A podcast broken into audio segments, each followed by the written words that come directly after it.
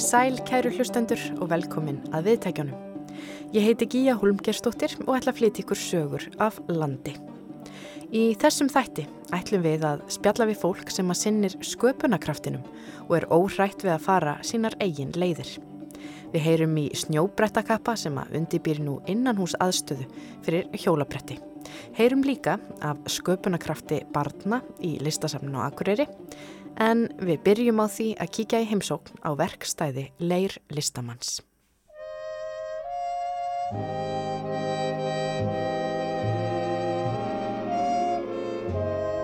Ég stend fyrir utan keramíkverkstæði hérna á Eirinni á Akureyri og við mér blasa já, svona mósæk á, á vegnum sem að já, brosandi kallar og blóm og, og hér er svanur Ég ætla að fá að kíkja hérna í heimsókn. Góðan daginn. Komdu sæl og blessu, góðan daginn. Takk fyrir að taka mót okkur. Já, mín var hana. Við erum komin á vinnustofu leirlistakonunar Margreðar Jónsdóttur á Akureyri. Hún tekur á mót okkur í brennsluríminu þar sem hún er með tvo brennslu opna. Annar þeirra er í gangi þegar ég kem og söðar svona blíðlega í bakgrunninu. Margaret vinnur með kvítan leir þannig að rýmið er allt þakið svona kvítum salla og rýmið er bjart en það finnst henni að eigin sögn gott að vinna í björtum rýmum. Ég byrja á því að spyrja hana fyrst úti í þessa aðferð að vinna með leir. Já, þetta er mjög gömul aðferð og þetta byggir þetta á eldinum og hittanum og þessi opn er eldri en ég, þannig hann er náttúrulega gammal. ég kom með þennan opn þegar ég, var, þegar ég kom frá Danmörku fyrir eh, bráðum, þrjá, ja, ég kom 85 og þá náttúrulega átti ég engan pening, var búin að vera að læra en ég gætt keift þennan opn sko, þá þótt hann gammal í Danmörku Já. og ég kom með hann og þetta var bara fyrstu opnin sem ég byrjaði að nota. Og ég er auðvitað búin að þurfa að láta laga hann aðeins en hann, þetta er reynda bara jarðleirsopn, hann getur ekki komist eins hátt og, og hinn opnin sem ég á en hann hefur nýst mér bara ótrúlega. Þannig að ég er alveg þakklátt honum í hversin sem hann gerir fyrir mig brennslu og, og að, að það gangi. Eða maður skoða hinnopnin aðeins? Já, hann er hér, hann er mun starri og er nýri en samt er hann nú orðin 20 og eitthvað ára. Og hann er einmitt í gangi núna, það söðar hérna í honum. Mm -hmm og ég kveikt á honum í morgun og hann verður búinn senkt í kvöld að komast upp í, ég er að brenna í dag upp í 1240 gráður og þá er ég alltaf svona, ég fer ekki að sofa fyrir ég veit hann er búinn að slökka á sér, þá fer ég yngar niður yfir í kvöld svona einhvern tíðan um 11.30 ja. og skoða gái hvort hann er búinn að slökka á. Maður er alltaf með þetta svona einhvern neginn í, ég veit ekki hvað að segja, einhvern veginn í höfðinu þegar maður er að vinna svona í leir, mjög, ég segi alltaf að það er svolítið eins og að vera með unga barn, maður þarf alltaf að, maður þarf að aðgæta svo margt með leirin og brennsluna og það þýðir ekkert að hugsa bara að ég ger þetta bara þegar ég nenni eða þú veist, leirins krefst svo alltaf vissa tímasetninga einhvern veginn. Ég get unnið í hann eins og ég var að renna þetta í gær og verði að klára þetta í dagans verður orðið allt og hart og svona maður þarf að svolítið leirin stjórna svolítið mín lífi. Það verður bara hjátast, opnarnir og leir.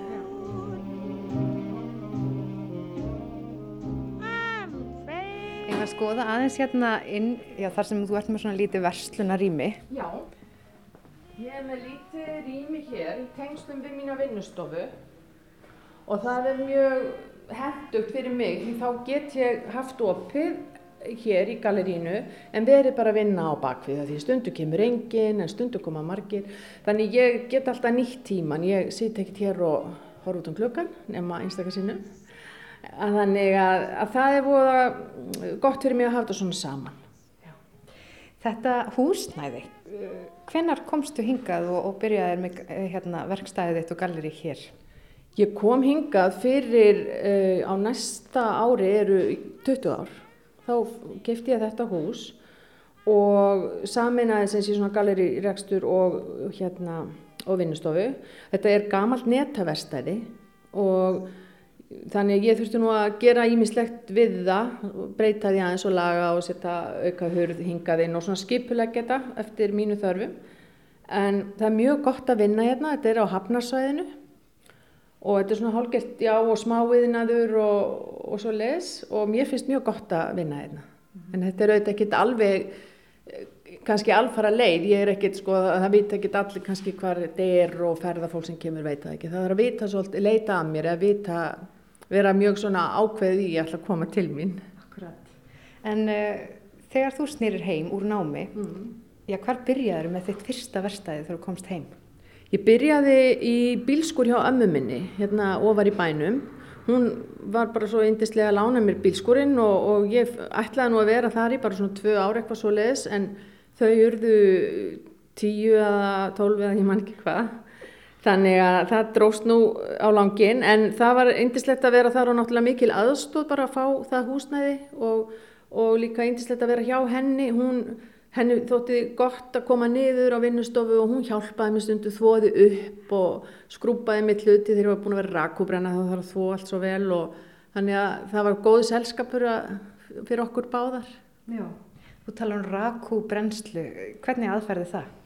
Það er eh, eldgömmul brennsla sem er held í upprunni kóru og þá opnar maður opnin þegar hann er þúsund gráð heitur og tekur hlutin út með töngum af því að það kemur svo náttúrulega svo mikil hit á móti manni og maður þarf að vera mjög vel varin til þess að bara brenna ekki sjálfur. Og hérna tekur hlutin út og setur þá í fötu eða tunnu með sægi og þá kviknar í sæginu og það koma svona breytingar í glerungin og verður mjög fallegt og svolítið svona sótaðir hlutir. En það er svona alveg strempin aðferð uh, fyrir mann líkamlega og fyrir lungun ekki síst. Þannig að ég hafði brent mjög mikið svona áður fyrr en svo tók ég hlið frá því að það getur vel verið eftir að fara í það einhvern tíðan setna aftur. Talandi um fjölskylduna þína, var mikil sköpun eh, þegar þú varst að alast upp og í fjölskyldinu og svona í kringum þig? Já, mjög mikil í, í bara báðum mínum ættum. Og ég er bara alveg nuffið að maður bjóð flesta til sem mann langaði í eða vanhæði um.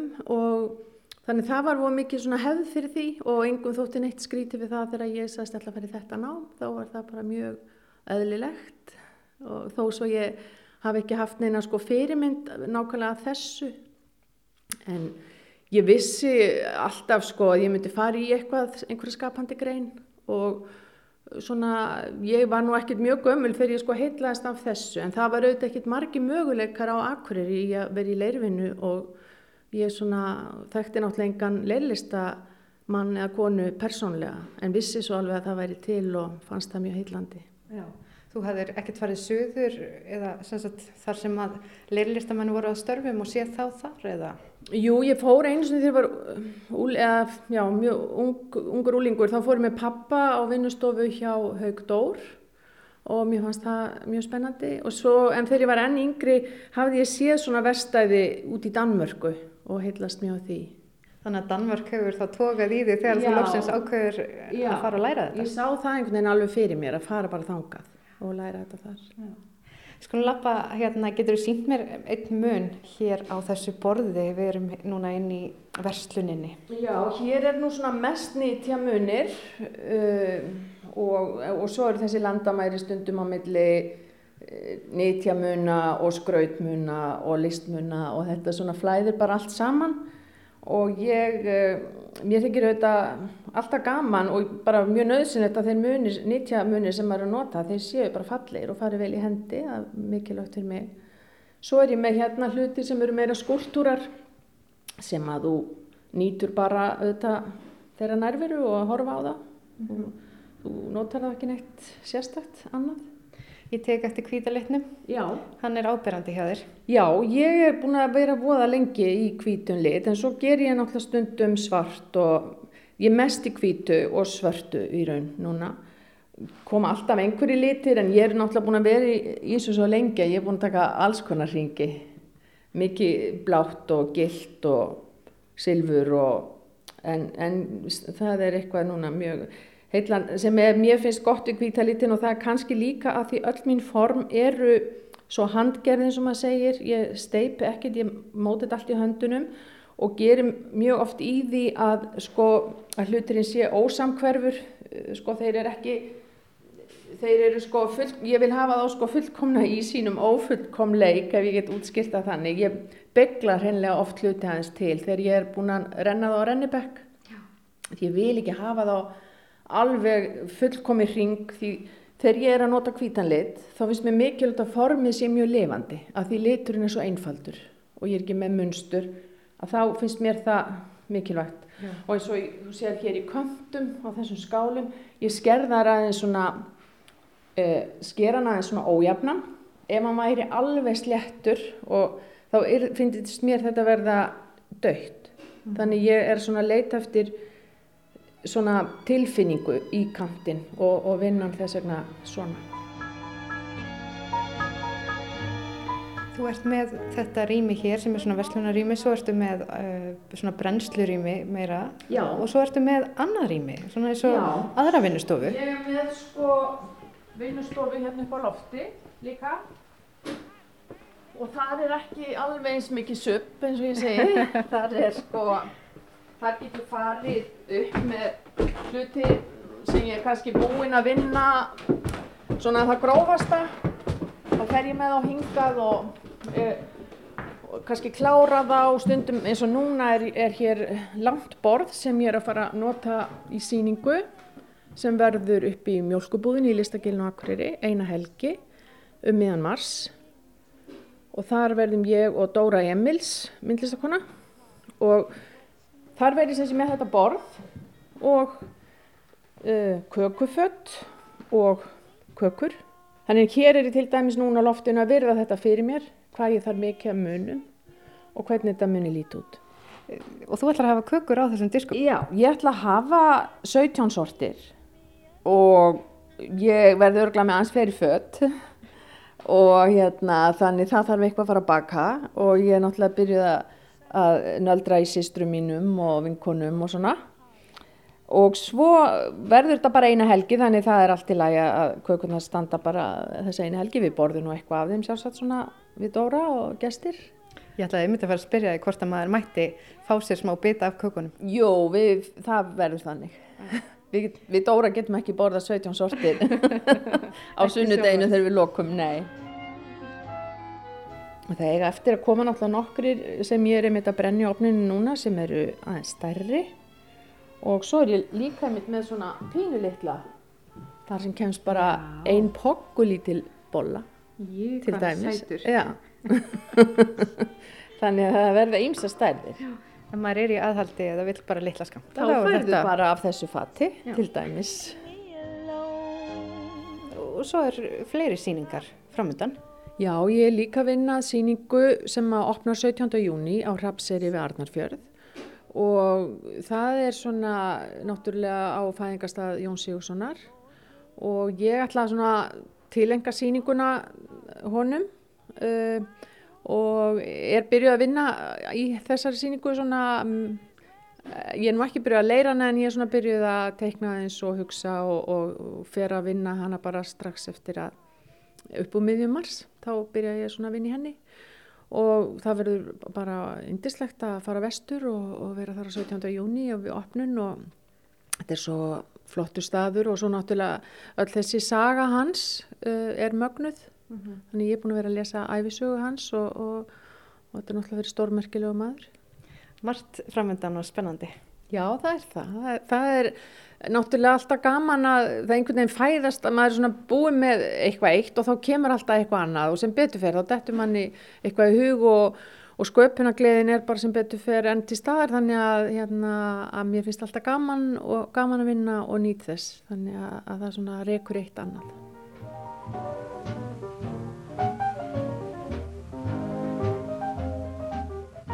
Þú talaður um uh, þegar við vorum niðri í, hérna, mm. versluninniðinni að það hafi ekkert verið miklar eða margar fyrirmyndir hér á Akureyri. Hver kom þessi svona sterkir draumur að verða leirlistakona? Ég held hann hafi komið þarna þegar ég var, fór til Danmarkur þegar ég var bara 11 ára.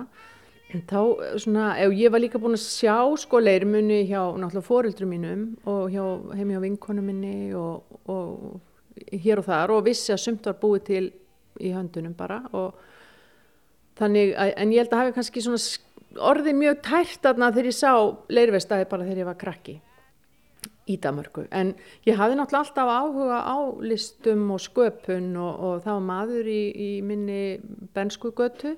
Hann gerði skúltúra og, og var með vinnustofu þar í, á skarði í Hamragerðinu. Og ég man eftir mjög spennandi að sjá hvað hann var að gera og svona þannig að þetta hefur bara alltaf, alltaf verið áhuga á þessu. Svo ferðu út til Danmörkur? Já, ég fór þegar ég var 18 ára og ég fór fyrst í líðháskóla til þess að svona prófa, það var líðháskóli sem var með áherslu á list, listnám og ég fór þánga til þess að svona tekka á þessu hvernig mér finnist þetta og, og það bara, ég fannst ég vera bara komin í himnaríki, mér var svo skemmtilegt og fór þá í leir og var þar bara ofbáslega mikið á því verstæði alveg langt fram á kvöld alltaf að, að gera eitthvað og æfa mig og svo fór ég í intökupró í skóla í Kolling á Jótlandi bara eftir ár og byrjaði þá í leirnáminu og var þar í fjögur ár. Og finnur þar þannan opn sem að þú Já, hefur flutt með þér heim? Já, hann var að fara að flytja heim.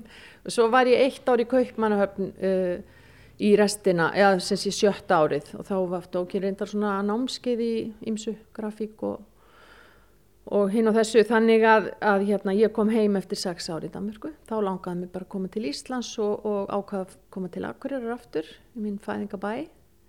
Og uh, mér finnst uh, ég er náttúrulega mjög bund, uh, sko, tengd Akureyri auðvitað, finnst mjög vænt um Akureyri og náttúruna hér í kring. Og svo náttúrulega auðvitað allt mitt indislega fólk og mínu fjölskyldu og þau hafa líka hjálpað mér mikið og stutt mig uh, öll þessi ár og hérna Þannig að, að það var svona mjög eðlegt fyrir mig að koma hingað. En ég reyndar alltaf hugsa sko, þú veist, ég get alltaf flutt ef ég vil. Eða fólk er stundur svona, það er eins og það haldið að þurfa að flytja fyrir lífstíð. Eða setjast, já, ef það fer eitthvað þá verður það bara að vera þar sem eftir ræfinar. En mér er einhvern veginn aldrei liðið þannig. En ég þarf náttúrulega alltaf að fara í ferðalög og fara svolítið burtu og stundum, það er bara nöðsynlegt að, að hérna, stækka sjóndeldarhingin og þó að vaðla hefði sér indisleg þá þá maður stundum að fara eins frá henni. Já, þú ert að tala þannig um svolítið framtíðina. Hva, hvernig sér þau framtíðina fyrir þér? Ég svona er ekki, held ég veldi mér ekki drosa mikið upp því ég ætla bara að vinna hér á, á þessari vinnustofu eða það er svona planið, ég hef ekki tugsað um neitt annað um, eitthvað, eitthvað lengur, ég veit ekki hvað lengi. ég ætla bara umfram alltaf að hafa það skemmtilegt og, og vera hafmyggisum. Takk fyrir spjallið og, og að taka á mót okkur hérna í þessu fallega rýmið þínu. Já, takk. Mín var ánaðin. Þarna var rætt við leirlistakonuna Margreti Jónsdóttur sem er með verkstæði og verslun á Eirinni á Akureyri. En frá skapandanum í vinnustofu Margretar færum við okkur upp í listagilið. Þar sem nú er í undirbúningi síning þar sem sköpunarkraftur barna fær að njóta sín.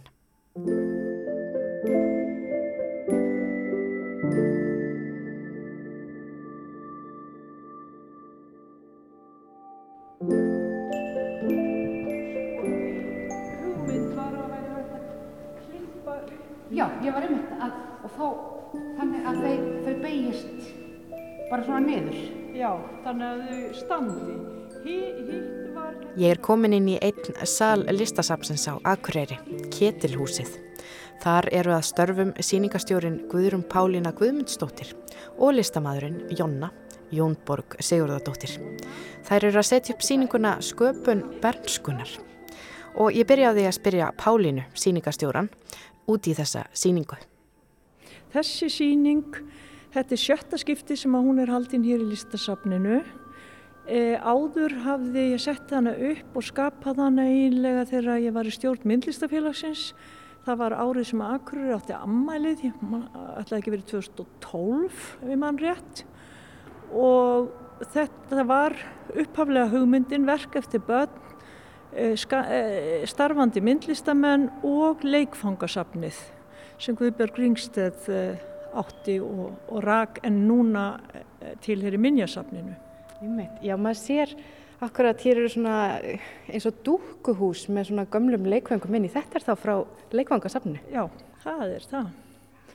Og hérna, svo eru þeirra fyrst árið, þannig að 2012, Amalis árið, þá var það myndlistaskólinn og börnin á námskeiði hjá Ramvegu Helgadóttur sem voru þáttakendur og voru öll með tertur til efna Amalinu en eftir að við fórum í safnið þá, eða ég fór að vinna hérna og setja upp þessu síninga hér, þá ákvaði ég að hafa leikskóla og grunnskóla. Og ekki á marga í einu og sagt, þetta samtala á milli þess að vera starfandi myndlistamæður og að vera, vera nefandi fannst mér svo spennandi en það þýrst ekki að vera endilega mikil samvinna á milli en þetta er að þróast þannig að Gunnhildur Helgadóttir sem er annar myndlistamæðurinn hún kom inn hér og var með smiðju fyrir helmingina leikskólaböðnunum og vinna í leir já, já. þannig að og he, svo fengum við Jón Borgur Siguradóttur til að vera með hinn helmingin Þannig að þetta er að þróast. En hvað eru þið með marga skóla á þessari síningu? Eh, við erum með þrjá skóla. Það er Brekkurskóli, Lundarskóli og Nustaskóli og svo leikskólinn Holmasól. Að þetta er allur aldur líka? Já, og það er það sem er svo skemmtilegt. Og ég sóttu um styrk sem ég veit ekki fyrir sapnið, eh, sem ég veit ekki hvort við fáum, fáum að vita í april fyrir sköpum benskunar og þá gerði ég alveg prógram til þryggja ára þannig að það er alveg ákveði hver, þemað fyrir næstu tvö ára eftir þessari síningu og listamenn sem er það. Já, já. Taland um þema, það er alltaf þema á, á þessum já. síningum og, og hvað er þemað í ár?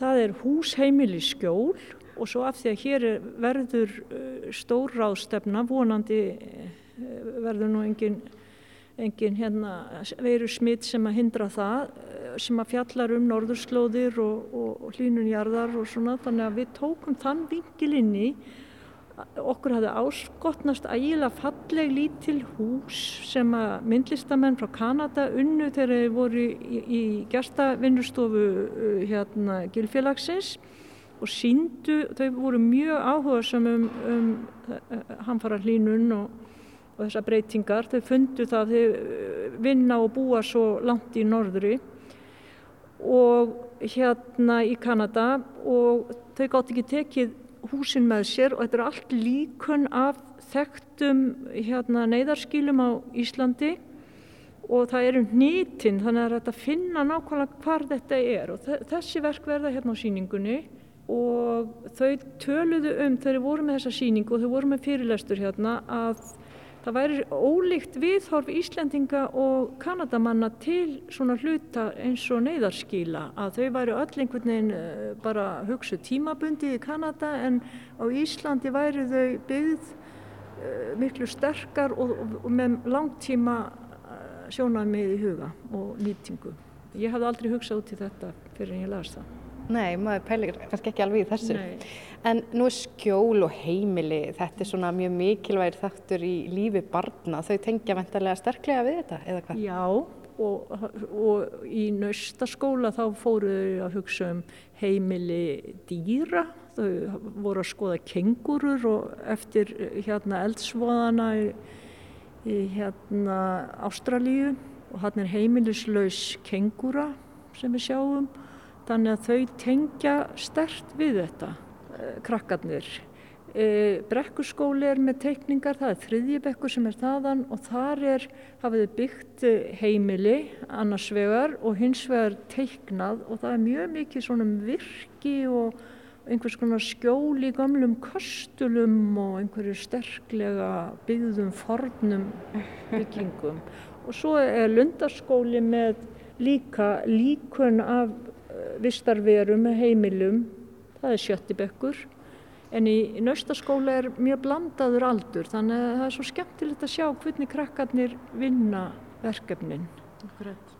En hvernig upplifa börnin að sjá svona verkin sín inn á listasafni? Sko, það sem ég hef tekið eftir það er að þau tengja sérstaklega við ef það er uh, meira einstaklingsverkefni. Sama hvað er rosalega flott og falleg hópverkefni, ef þau einhvern veginn finna ekki sjálft sig í því þá tengja þau ekki alveg eins stert við, það er mín upplifun allavega, þó ég sé mjög hlind sem eh, kennari að menn hérna vinni bæði einstaklingsverkefni og hópverkefni. Þannig ég er fann að leggja upp úr því að að þau svona allavega litlu börnin geti svona bent á og þetta er eftir mig. Þetta er spennandi. Ég ætla að trýtla hérna niður og ég sé að hún Jonna, Jónborg Sigurdóttir, er hérna á fullu að, að setja upp og ég ætla aðeins að rappa við hana. Jæja, þetta er í Ketilhúsinu, þessi síning. Ketilhúsið dregur nafnsett af köllum sem voru hér þegar gilið var nú já, undirlagt af yðnaði. Og hér er hún listakonan Jonna, alveg á fullu að setja upp verkið sín. Hvernig gengur? Það gengur bara mjög vel. Það er bara verið að púsla saman verk, því sem börnin eru búin að gera, hengjað upp. Og þú hefur unni rosalega mikið með börnum. Hvernig er það? Það er bara með því skemmtilega sem ég geri. Ég bara elska að vera kringu börn og mér finnst svo gaman að vera með þeim. Þau eru með svo frjóar hugmyndir og, og bara eru svo skemmtileg. Já. E, þú ert hérna að, að brasa við verk sem að, já, eru útlínur af líkumum. Já, þetta eru útlínur barnana og svo eru þau búin að lita andlit og, og hár og vettlinga og sokka og saman sett mynda þau skjól. Það sem þau liggja í hring og mynda skjól. Já, þannig að börni geta svona skriðið þarna undir og, og já, þetta svona veitir svona fallega umgjörð. Já, þarna getur þau skriðið undir og setið og verið í skjóli. Já. Hva, hvernig vinnur þau með börnum? Hvað er svona triksi til þess að koma börnum á stað á þess að uh, vera hrætt við það að skapa? Uh, mér finnst alltaf skemmtilegast þegar að hugmyndin að koma frá þeim að vera með börnum í, í spuna og ég er til dæmis að vinna verk fyrir barnamenningarháttíð og það er tröllið í hofi og það, þá er ég í samstarfi fjóra leikskóla sem sagt eldstu börnin af leikskólanum og saman erum við að vinna að einu trölli og einn leikskóli gerir fæturnar, annar gerir hendurnar, þriði gerir búkin og fjóruð gerir höfuðið. Það lendir náttúrulega mikið á mér saumaskapurinn en áður en við byrjuðum þá fór ég og hitti krakkana og við fórum í svona spuna hvernig þau sæju fyrir sér trölli. Það var búið að, að segja þeim tröllasögur, lesa fyrir þau um tröll og, og, og það, þeirra hugmynd var að tröllið átt að vera með risastóra bumbu og naflan út úr peysunni uh, með tíu tæra á öðrum fæti, með langar neglur á höndunum, með risastórt nef og bara, og svo vinn ég með þeirra hugmyndir. Að þetta er endurvinnsla, af því mér finnst það lang skemmtilegast að vinna úr öðru og ég hef gert mikið af því undanferðin ár að vinna alltaf úr endurvinnslu. Og svo frábært að, að krakkarnir geta þá séð hvað er hægt að nota hlutina aftur eða bara að þau verða vör við neslu sína. En svo með trölli það er allt saumað úr endurvinnslu textíl, krakkarnir komið með og það er fyllt upp með endurvinnslu plasti þannig að börnin komu sjálf með endurvinnslu plastið að heiman, stökusokkana, gödóttusokkana, vettlingana sem voru litlir, eitthvað sem við erum að nota í tröllið þannig að þau gera sér grein fyrir því bara vá hvaðan kemur allt þetta plast mm -hmm. og í leiðinni er ég að, að svona brína fyrir þeim að við þurfum að minka plastnótkun og, og ekki kaupa plastboka, bara taka með okkur uh, fjölnótapoka og, og ekki henda textíl, við, það er alltaf hægt að nýta nýja eitthvað annað. Þannig að þetta er svona hugsunin. Einmitt. Þetta verður svona holdgerfingur neyslunar tröllið ykkar? Já, þetta er bara ég, eins og þegar ég var að tala um tröllið við krakkana og láta þau ímynd sér hvernig það yrði. Þetta, það verður yrkla 6 metrar á hæð Já, ok.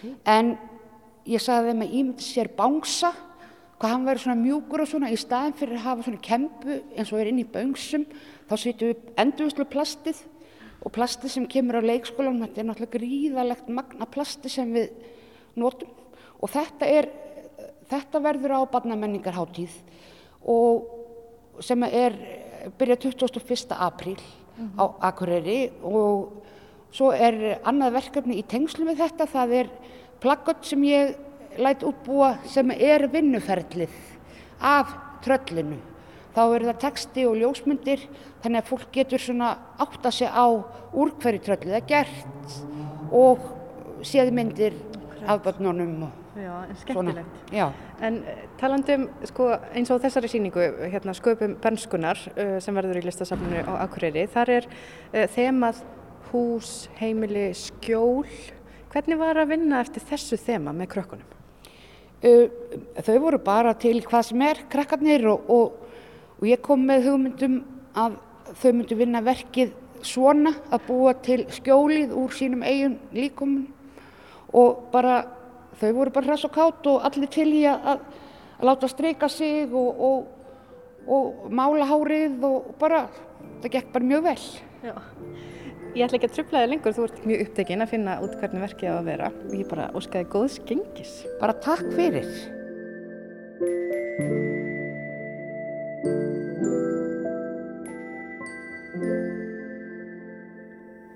Þarna verð rætt við þær Guðrúnu Pálinu Guðmundsdóttur og Jonnu Jónborgu Sigurðardóttur um síninguna Sköpum Bernskunar sem að opnar þessa helgi á listasafnu og Akureyri.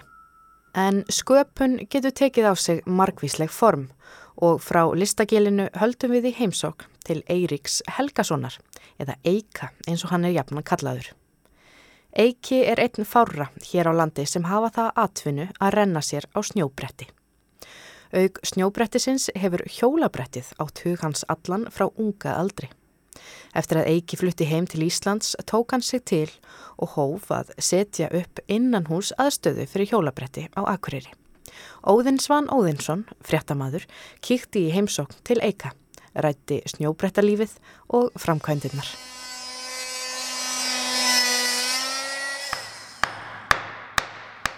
Ég hef náttúrulega verið að reyna að fá innan hús aðstöðu bara síðan ég man eftir mér nánast.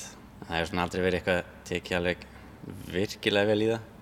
En það hefur samt alveg verið reynd. Það var reynd hérna í strítuhúsinu á sínum tíma og svo pröfa svona test inn í Glertorgi.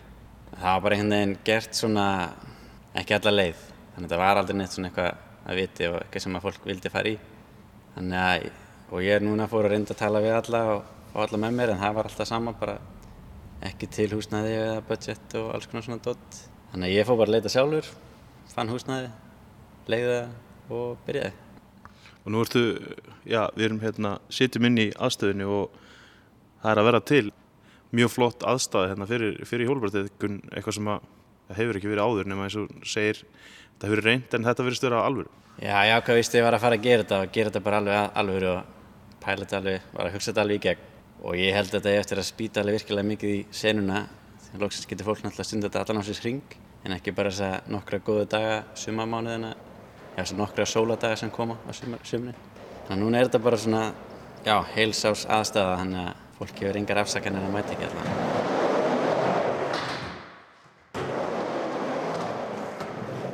Þeir náttúrulega byrjuði þarna alveg einhverjir að undan mér sko. Ég byrjaði að skeita svona 98, cirka bat, bara því ég fann mig ekkert í einum öðrum sportum. Þannig að ég svona, ja, fann mig ekki í svona liða íþróttum. Þannig að hjólabretti, þegar ég sá það þá bara strax að þetta var eitthvað fyrir mig, bara svona persónulegt sport. 98, var þetta stór sena þá? Það kom alltaf svona sprengja á þeim tíma, það er alveg margir sem voru þá. En svo dói þetta alveg niður á tímanbila, var bara ég og nokkri félagir sem voru meðal eftir. Og svo núna er þetta alveg rjúkandi uppsiklingu alveg aftur, þannig að Þannig að þetta kemur kannski svona svolítið í bylgjum vinsældir sportsins. Já, alveg algjörlega. Þetta er svona, með bara allt held ég. Allt svona sem er, ég veit ekki, fólk kallar þetta tísku sport. Ég hugsa þetta frekar sem bara lífstíl, þetta er bara einhvern veginn, er bara partur af mann einhvern veginn. Jú, ég byrjaði hjólabrætti fyrst. Það var svona draumurinn að vera 18 ára hjólabrætti. Svo fóð maður bara á snjóbrætti svona því að það var ekkert hægt að gera neitt af veturnar. Og þetta er svona svolítið auðveldara skipti að fara frá hjólabrætti yfir í snjóbrætti. Snjóbrætti er svona aðeins auðveldara sport. Og ég fekk svona minn fyrsta spónsor af snjóbrætti og þá einhvern veginn bara tók það mann í það áttina. Þannig að hjólabrætti hefur alltaf verið bara hobbyið mitt. Þú var svolítið ábyrrandi í þessum snjóbretta heimi og hefur verið búin að stopna fyrirtæki kringu það með bróðinum og þú lifir á, á snjóbretti. Hvernig, hvernig virka það? Ég er sem sagt svona, já, aðdurum ára snjóbrætti. Ég hætti að keppa fyrir löngu því það var bara, eins og segi, mér finnst þetta ekki að kenna sport. Þannig ég er meiri svona vídeovinnslu og búa til svona efni. Þannig við rauninni bara erum í rauninni, þó maður vil ekki segja svona influencers og á bara að vera ábærandi á samfélagsmiðlum og í þessum vídjóum og öllu því. Þannig að maður er að auðlýsa fyrir þessa, þessi merki og já, maður bara lifir á því.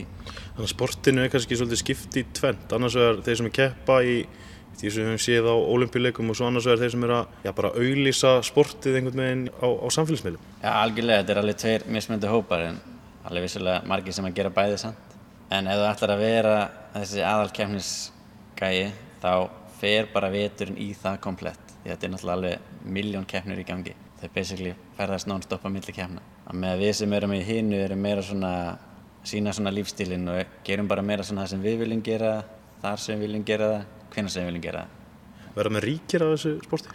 Maður hefur alveg fínt, en vissulega náttúrulega eins og með alltaf er náttúrulega allt ekki eins gott og það var gælanda eftir hrunni, það náttúrulega minkaði allir svona budgetar en, en bara það að geta verið að stunda það sem maður hefur gaman er náttúrulega bara, maður ríkur bara því sko. Og þú hlýtur að ferðast út um allan heim og fara á bestu skíðasvæði og borgir heims? Já, maður er alveg farið mjög víða sko, en núna er ég búin að vera að stóla svolítið mikið bara á Ísland af því að Ísland hefur alveg mikið upp að bjóða og hefur ekkert verið notað þannig sem mikið í snjóbrotaheiminum nema bara ég. Þannig að maður er svona búin að gera þetta svolítið að sína, sínu merki svolítið, svona íslenska náttúran. En jújú, jú, maður þarf alltaf að skjótast hingað þangað og gera það sem að bónsrættin segir mann að gera. Sko. Þannig að þú þarf kannski ekki að fara langt til þess að fá akkurat staðina sem að þú vil gera þessar kunstir? Nei, með internetinu þá er heiminum bara orðin einn, þannig að getum maður verið hvað sem maður vill bara. Hvernig er þetta á landinu? Verið, er, er svona aðstæða á höfbruksvæðinu? Þeir eru með svona í hérna, Hafnarfyrði og í Reykjavík og hérna alveg virkilega flott aðstöður þar líka en ég ætla nú að alltaf menna að toppa þær. Þetta hlýtur að vera dýrt verkefni? Það kostar allt en ég ætla að pæli að hafa þetta svona, ég er svona mest að stóla bara á áskortin. Það svona er mun marg borgar sér fyrir allan að skeita hana en svo mun fólk líka geta að nota hérna að kaupa svona tíu skipta kort eða dagskort og það verður sem starfsmæður hérna á ofnartíma og fullorðinskortin ætlaði mér að hafa bara svona sem stimpilkort þannig að þú kemst í raun inn 24-7 þannig að fyrir börnin er ofnartími og fyrir 18 ára eldri er það bara þegar þú vilt. Þetta er náttúrulega, það, það er allur aldur í þessu sporti. Jú, algjörlega, þetta er náttúrulega líka hlaupahjól og línaskautar og BMX þannig að þetta eru þessi fjögur sport saman þannig að þetta er alveg ágættis hópur hérna á Akureyri sko. Hvernig, hvar hefur þessi hópur haldið til hérna síðustu ár? maður er alltaf á þessum úti pörkum hjá háskólanum og lundaskóla og þessu en eins og ég segi, nokkur regningadrópar og þetta er alltaf flughált og hættulegt sko. En nú hefur svolítið neikvæð ímynd fyllt þessu sporti er það eitthvað að breytast? Já, sérstaklega hjólabætti hefur alltaf verið með einhvern stimpil á sér en það er bara langt frá því að vera þannig þú hendist ekkert í sig eða ætlar að vera einhverju ruggli sko. þetta er alveg líkamlega, eða virkilega líkamlega erfið íþrótt og maður þarf að vera alveg í góðu formi Þannig að þetta er svona, já, nú er þetta náttúrulega að vera olimpíusport líka. Ég er svona ekkert mikil fenn að því að þetta sé olimpíusport reyndar en ég finnst ekki alveg heima þar. Þetta er bara ekki þannig sport, maður hugsaður ekki um fólk í einhverjum spandexbúningum að keppum tíma eða eitthvað. Þetta er svona miklu meira listsport heldur en einhver svona keppnis íþrótt. Hvað heldur að valdi því að hérna, þessi sena hefur stundum fengið á sig þessa leiðilegu ímynd? Ég held að var þegar þetta var að byrja, það var þetta svo ungur, sagt, það var svo ungt sport og ungt lið. Það fylgdi þessu jam í gælanda og það var alltaf mikið sett fókus á það í vídjónum sína svona allir voru alltaf druknir og eitthvað þannig.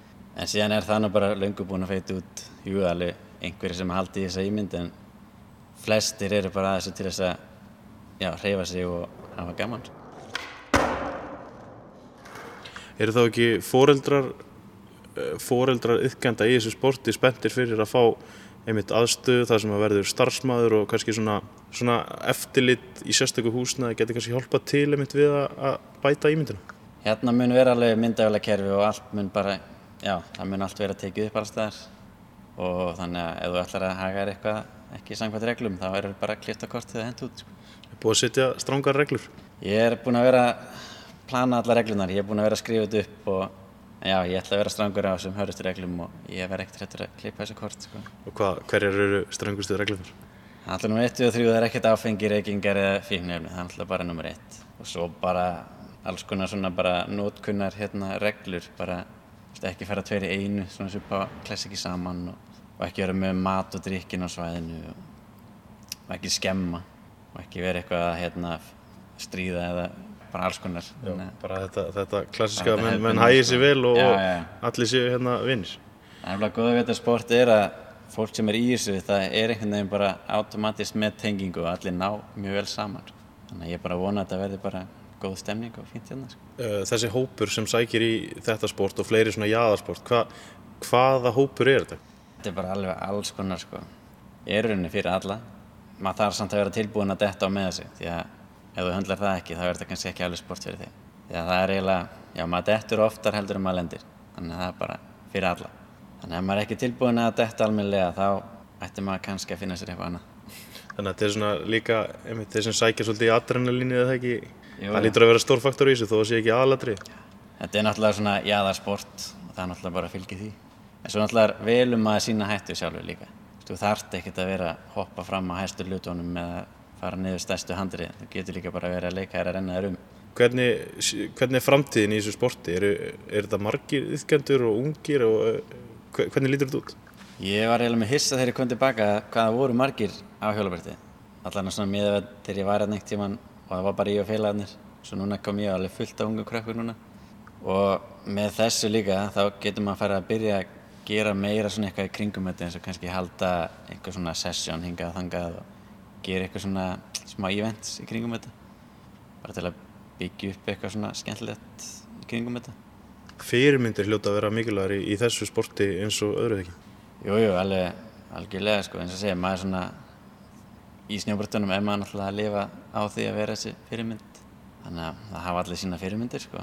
Það er kannski það sem að krakkarnir í dag hafa fram yfir það sem þú hafði 98 er mann eins og þau sem er búin að gera þetta atvinnu og, og er að opna park og þannig að menn svona krakkar sjá kannski framtíð meira í þessu heldur en þá.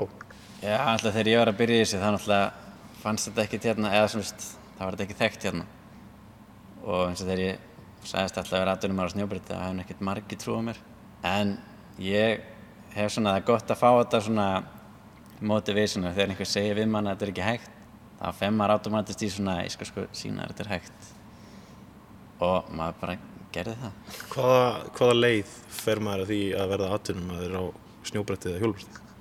Þetta er mjög erfið spurning. Alltaf íslega þetta að fara að keppnisleðina. Hún er svona, sem segir sér svolítið sjálf, bara þú ferir keppnir og þú þið gengur vel og vinnur og eitthvað svo leiðis. En hitt er meira svona blanda af sem sagt, hversu góður þetta bretti og hvernig þú ert bara sem persónu líka. Því að þetta er eiginlega bara 50-50 því að þú getur verið sko bara bestur í heima á snjóbretti en með svona daldi svona ekkert mikið personality þá einhvern veginn tekur fólk ekkert eftir manni þannig að þú þarft svolítið líka að vera þessi svona, hvað sem er með skemmtilegt personality. Og svona svolítið skeraði út úr hópnum og margir sem Já. eru góðir á þessu. Já, það er alveg heilt hellingur sem er góður af þessu en, en já, vissilega það er gott að hafa eitthvað svona sem að stendur út úr hvort sem er eitthvað svona spes trikk sem að þú ert að gera eða bara, eins og segja, það er svo ógeðslega erfitt að svara þessari spurningu hvað þarf því að þetta er bara eitthvað sem að virkar og það virkar það. Akkurat. Hvenær mega hérna, bretta þyrstir akkurinningar eiga vona á því að geta farið að renna sér hérna? Það verður pottitt núna í þessum mánu sem ég muni opna og vonandi bara ekki eftir marga daga. Þarna rætti Óðinsvann Óðinsson við Eirik Helgason eða Eika sem að vinnur núna hörðum höndum að því að koma upp innan hús aðstöðu fyrir hjólabretti í heimabæsinum Akureyri. Og með þessu síðasta einslægi er komið að lokum í sögum af landi í dag. Tæknimaður í þessum þætti var Einar Sigursson. Við þökkum þeim sem hlýtu lifið heil.